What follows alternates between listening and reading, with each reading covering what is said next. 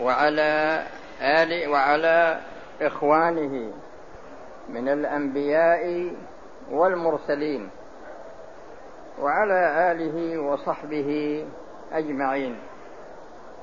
أما بعد فإن الكلام لا يزال متصلا على قوله تعالى ذلك بأن الله لم يك مغيرا نعمة أنعمها على قوم حتى يغيروا ما بأنفسهم.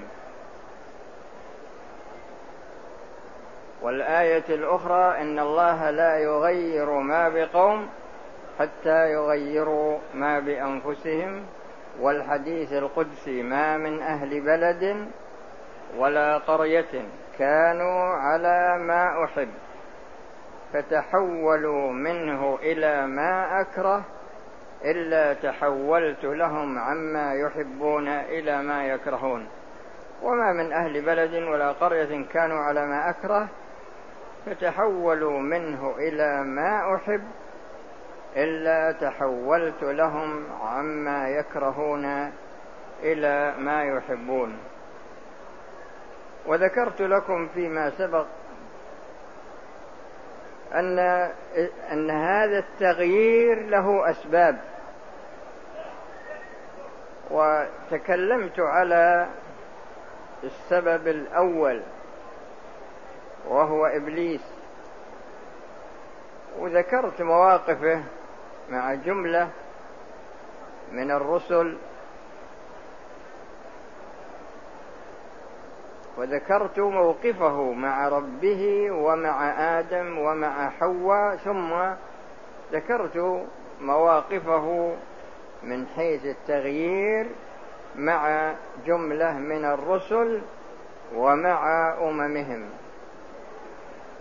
والغرض هو التنبيه على أن هذه العداوة مستمرة.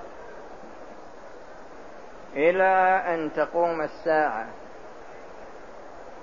والسبب الثاني هو شيطان الإنس. وشيطان الإنس هذا من أولياء الشيطان بمعنى أن الشيطان يسخره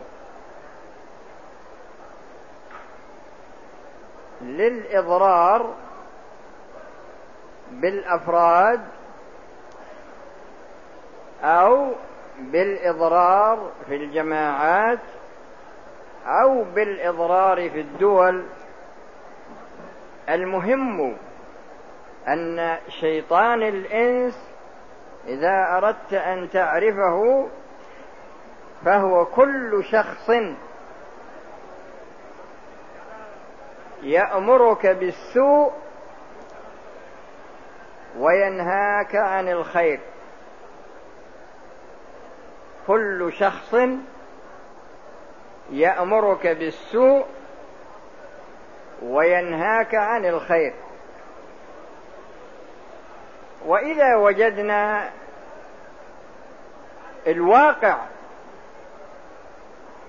وجدنا مما يؤسف له أن كثيرا من الأفراد يشتغلون في إيقاع الضرر بالأفراد وبالجماعات.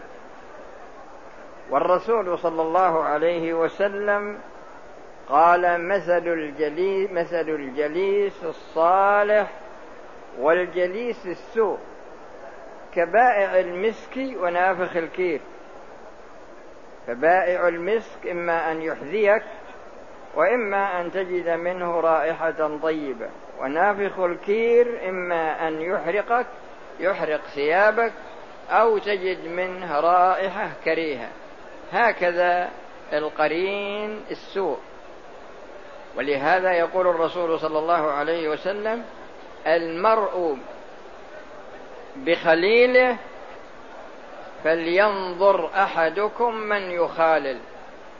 فإذا أردت أن تصطحب شخصا فانظر إلى ما يأتيك منه أو دولة تبي تقترن بدولة انظر إلى ما يأتيك. فإن كان ما يأتيك ضرر ومنع للخير. فاترك هذا الفرد أو إذا كان مجموعة يعملون مثل هذه الأعمال. المهم هو أن الطريق صرف النظر عن نوعيته. إذا كان هذا الطريق يأتيك منه ضرر في بدنك في مالك في دينك في عرضك في أهلك في ولدك في عقلك. إذا كان هذا الشخص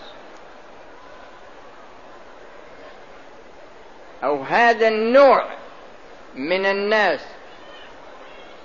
يوصل إليك الضرر بأي وجه من الوجوه التي ذكرتها فاعلم أن هذا من شياطين الإنس مهما تكيف لك ومهما أعطاك من الكلام الذي يسمونه الكلام المستهلك.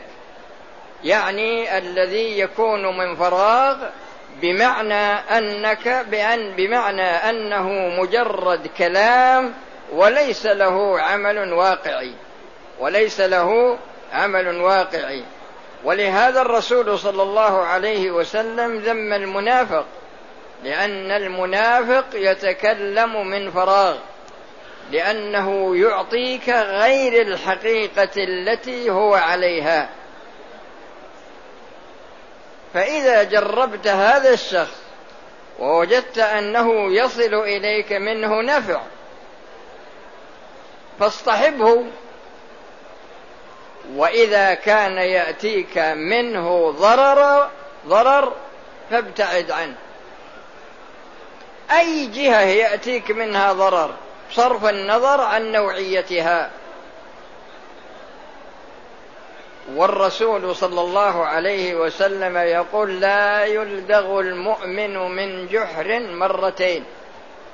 بمعنى أن هذا الطريق إذا جاءك منه ضرر في الدرجة الأولى في المرة الأولى فلا تنتظر ضررا في المرة الثانية لأنه سيستمر على إيقاع الضرر بك إما من ناحية مثلا نفع نفسه أو ما إلى ذلك مثل الآن شغل الدول الكافرة مع الدول المسلمة.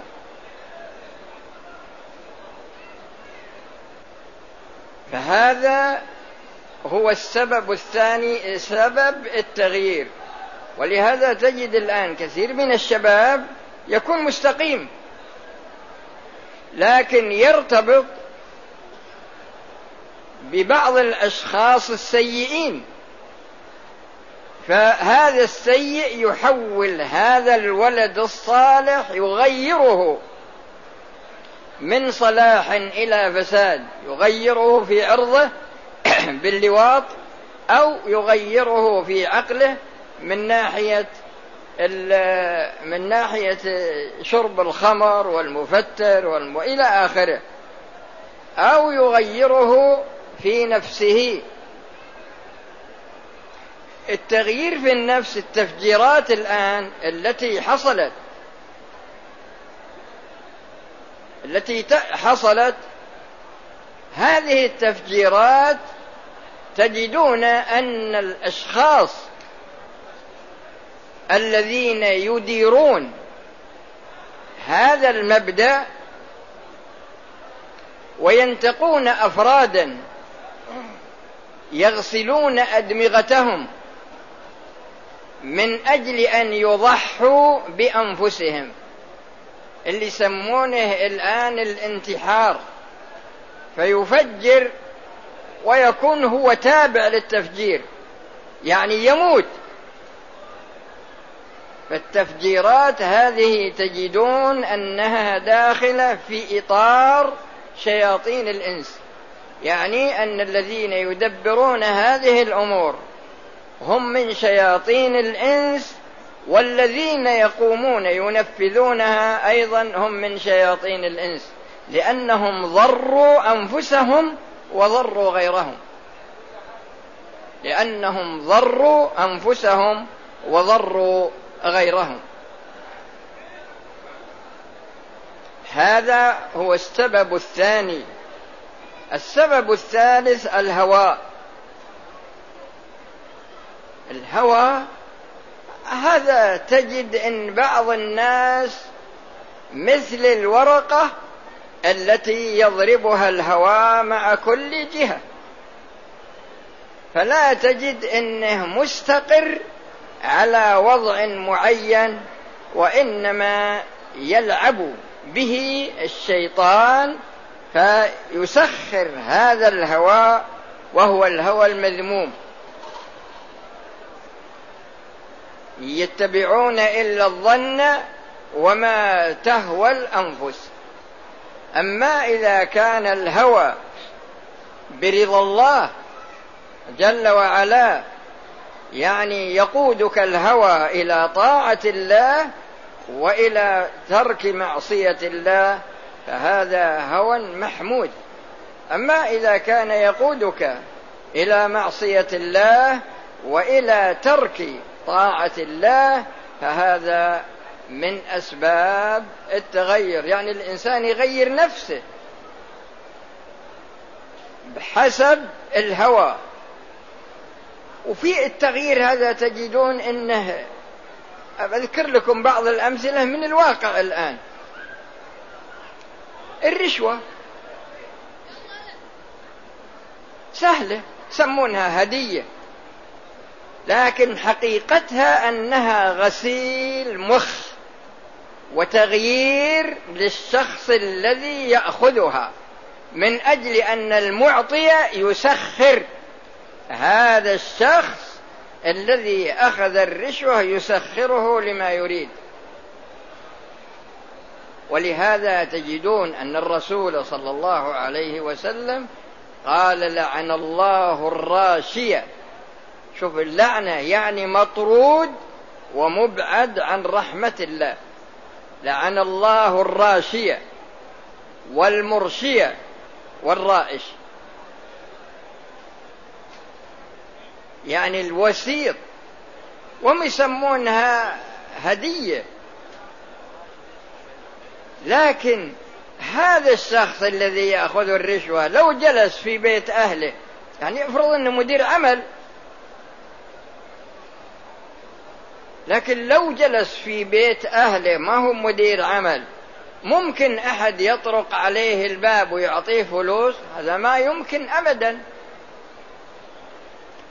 فهذا الدافع للرشوة شيطان من شياطين الإنس.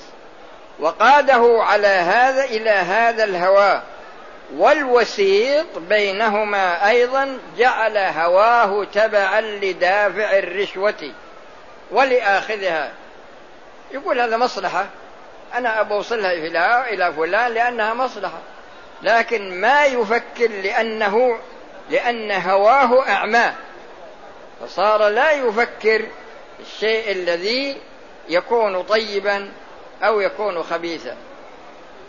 وكثير جدا من معاملات الناس ومن معاملة الإنسان بنفسه. تجدون إن التغيرات التي تطرأ عليه تغيرات من خير إلى سوء أو من سوء إلى خير. إذا كان الهوى محمودا تجد إنه يتغير من سوء إلى خير. وإذا كان الهوى مذموما تجد إنه يتغير من خير إلى سوء. وكل واحد منا معه هذا الهوى. لكن هذا الهوى هل نستعمله أم لا؟ ننظر. إذا كان إذا صادف الشيء رغبتك ولكنه محرم مثل اللي يزني يشرب الخمر يسرق يتتبع عورات المسلمين. هذا تجد إنه غلب هواه المذموم على طاعة الله. اللي الذي يتعامل بالربا. تجد إنه غلب هواه في رغبة المال. يعني في شهوة الفرج وفي شهوة العقل وفي شهوة البطن. فتجد إن بالنظر للهوى غلب جانب هذه الأمور على جانب طاعة الله جل وعلا. فأنت يا عبد الله انظر إلى الهوى الذي عندك. هل يقودك إلى مرضاه الله؟ أم أنه يقودك إلى سخط الله؟ فإن كان يقودك إلى سخط الله فاجتنبه وإن كان يقودك إلى مرضاه الله فقد قال صلى الله عليه وسلم لا يؤمن أحدكم حتى يكون هواه تبعا لما جئت به فإذا كان هواك تبع الشرع يطبق الشرع فهذا هو الهوى المشروع. السبب الرابع النفس الأمارة بالسوء. النفس تارة تكون مطمئنة وتارة تكون لوامة وتارة تكون أمارة بالسوء. النفس المطمئنة هذه تجدون أن صاحبها متقيد في شرع الله. وإذا دعته نفسه إلى ما حرم الله حبس نفسه. مثل ما وقع ليوسف عليه السلام مع المغريات التي حصلت له. يعني حصل له أمن من جميع الوجوه. ولكن نفسه مطمئنة وليست أمارة بالسوء. وأذكر لكم في أمثلة كثيرة لكن فيه من واقع الحياة. رجل يعني نفسه اتجهت إلى امرأة بما حرم الله وراودها كلما احتاجت من أمور الدنيا جاءت إليه وقال لها بالشرط الذي تعلمين يعني أنها أنه ينتهك عرضها. وامتنعت حتى ضاقت عليها الدنيا فلما ضاقت عليها الدنيا جاءت إليه. وطلبت منه. وذكر لها الشرط ووافقت عليه.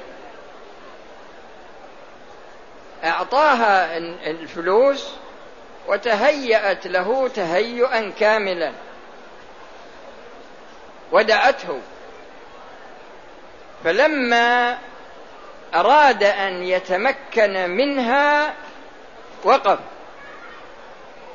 فقالت له ما الذي يمنعك؟ وأنت تحاولني من فترة طويلة. قال يا حمقى أبيع جنة عرضها كعرض السماوات والأرض بشبر من مكان حرام. فانظروا إلى هذا التغير في هذا الظرف. ولا منك الآن شفت وضع الناس اللي يستعملون اللواط واللي يستعملون الزنا وإلى آخره. كل هذا تجدون أنه من يعني من النفس الأمارة. النفس الأمارة هذه من تلاميذ إبليس. مثل ما إن شيطان الإنس من تلاميذه والهواء المذموم من تلاميذه فهذه النفس الأمارة بالسوء هذه النفس التي تأمرك بفعل ما حرم الله أو تمنعك عن فعل ما أوجب الله. يعني ينبسط. أذكر لكم مثال من من من هذا ينطبق على هذا. في بعض الموظفين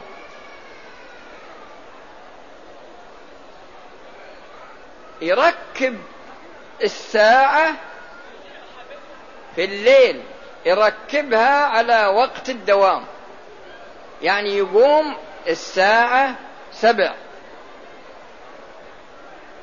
إذا جاء من العمل بعد الظهر يركبها إلى يعني بعد بعد العشاء يعني مثلا الساعة تسع حتى يقوم ويذهب إلى شلته. الشلة التي لا تجتمع على خير.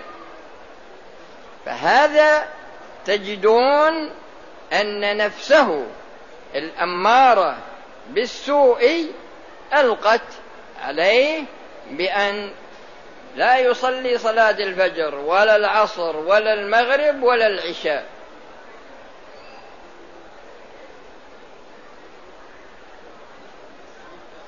هذه النفس الأمارة عندما ينفذ صاحبها ما تأمر به تأتي النفس اللوامة. فيجلس الإنسان يلوم نفسه. يقول أنا كيف أنا كيف أعمل هذا الشيء؟ أنا كيف أعمل هذا الشيء؟ وبعض الناس يكون عنده عمى بصيرة. يعني يكون عنده عمى بصيرة بمعنى أن الأمور التي يعملها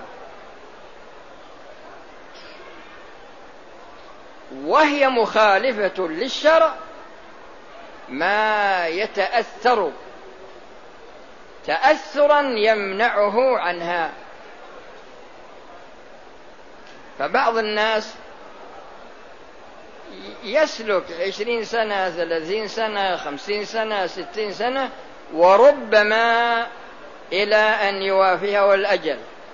وهو مقيم على معاصي الله وكأنه يعمل بطاعة الله.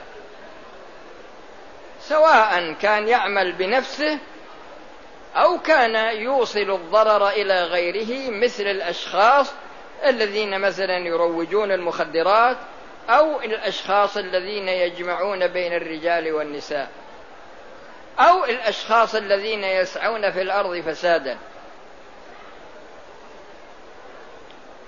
فالمقصود هو أن نفسك إذا كانت تتحرك بالخير فهذه نفس مطمئنة. أما إذا كانت نفسك يعني تتحرك في أمور تسوءك أنت أو تسوء غيرك فهذه نفس أمارة بالسوء وعليك أن تستعيذ بالله من شر نفسك وتستعيذ بالله من شر الهوى وبخاصة إذا كنت ساجدا. هذه أربعة أسباب. آه، السبب الخامس هو السكر لكن بغير الخمر. السكر بمعنى أن الشخص يتصف بصفة. هذه الصفة تحدث عنده غرورا في نفسه. هذا الغرور يجعله يتخبط هذا الغرور يجعله يتخبط. فإن كان فإن كان غنيا تخبط في الكسب من ناحية أنه لا يميز بين حلال وحرام وفي الإنفاق أنه لا يميز بين الإنفاق في الحلال والحرام. إذا أنفق في الحرام فكأنه ينفق في الحلال. ولهذا يقول بعض العلماء يا بني احذر من سكر المال. والله تعالى يقول كلا إن الإنسان ليطغى أن رآه استغنى. وقارون إن قارون كان من قوم موسى فبغى عليهم وآتيناه من الكنوز ما إن مفاتحه لتنوء بالعصبة أولي القوة. إلى آخره. وبعد ذلك خسف الله به الأرض. فهذا من سكر المال. وعلى هذا الأساس الشخص إذا كان من من أنعم الله عليه بالمال فلا بد أن يتنبه إلى طرق الكسب وإلى طرق الإنفاق. وإذا كان على وضع سيء فعليه أن يغير هذا الوضع السيء إلى وضع حسن. ومن السكر أيضا سكر الرئاسة. يعني أن الشخص يكون رئيس عمل. هذا الرئيس تجدون أن المشروع في حقه أن يوصل الخير إلى من هو رئيس عليهم وأن يمنع السوء عنهم. وأن يمنع السوء عنهم. اللهم من ولي من أمور أمتي شيئا فشق عليهم فاشقق عليه. ومن ولي من أمور أمتي شيئا فرفق بهم فارفق به.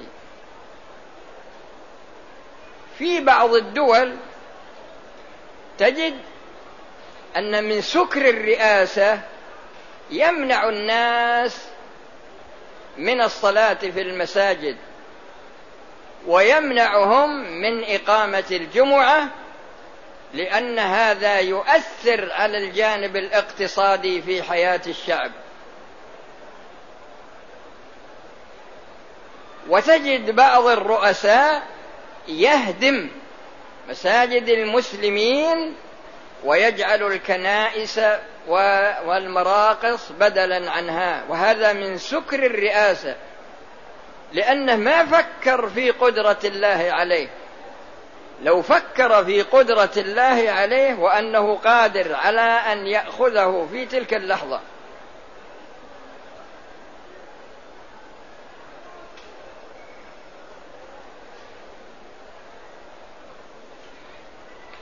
وفيه أيضا من سكر الرئاسة أن في بعض الدول أنا ما أسمي دول من وجدوا في يده القرآن حبسوه. طيب. القرآن كلام الله. شريعة الله في أرضه جعلت نفسك أعلى من الله فألغيت. ألغيت القرآن. فهذا من سكر الرئاسة. يعني معناه أنه يتخبط. في الأوامر التي يصدرها إلى شعبه من ناحية أنه يركز على الجوانب التي يرغبها هو. وعنده سكر من ناحية أنه لا يميز يعني مثل الإنسان المخبول ما يميز بين ما ينفع وبين ما يضر. والثالث سكر العلم. سكر العلم. بمعنى أن الشخص يتصف بصفة علم لكن يظن في نفسه في نفسه أنه ما يوجد على وجه الأرض أعلم منه. وإذا نظرنا إلى الرسول صلى الله عليه وسلم وهو أشرف الخلق على الإطلاق. إذا سئل انتظر نزول الوحي. والله تعالى يقول ولو تقول علينا بعض الأقاويل لأخذنا منه باليمين ثم لقطعنا منه الوتين فما منكم من أحد عنه حاجزين. وإذا نظرنا إلى الصحابة رضي الله عنهم. وجدنا أنه إذا جاء سائل يتدافعون السائل كل يعتذر عن إفتائه ويرسله إلى شخص يظن أنه أعلم منه. وهكذا إذا نظرنا إلى الإمام مالك. سئل عن ست وأربعين مسألة. فأجاب عن أربع وقال في اثنتين وأربعين لا أدري. فقال له السائل يا مالك تضرب إليك أكباد الإبل من شرقها وغربها وتقول لا أدري؟ قال امش في أسواق المدينة وأخبر الناس أنك سألتني عن هذه المسائل وأنني أجبتك عن أربع وقلت لك في اثنتين وأربعين لا أدري. والإمام أبو حنيفة والإمام أحمد كل هؤلاء يقفون إذا لم يتبين لهم الدليل. والإمام الشافعي رحمه الله يقول من ترك أدري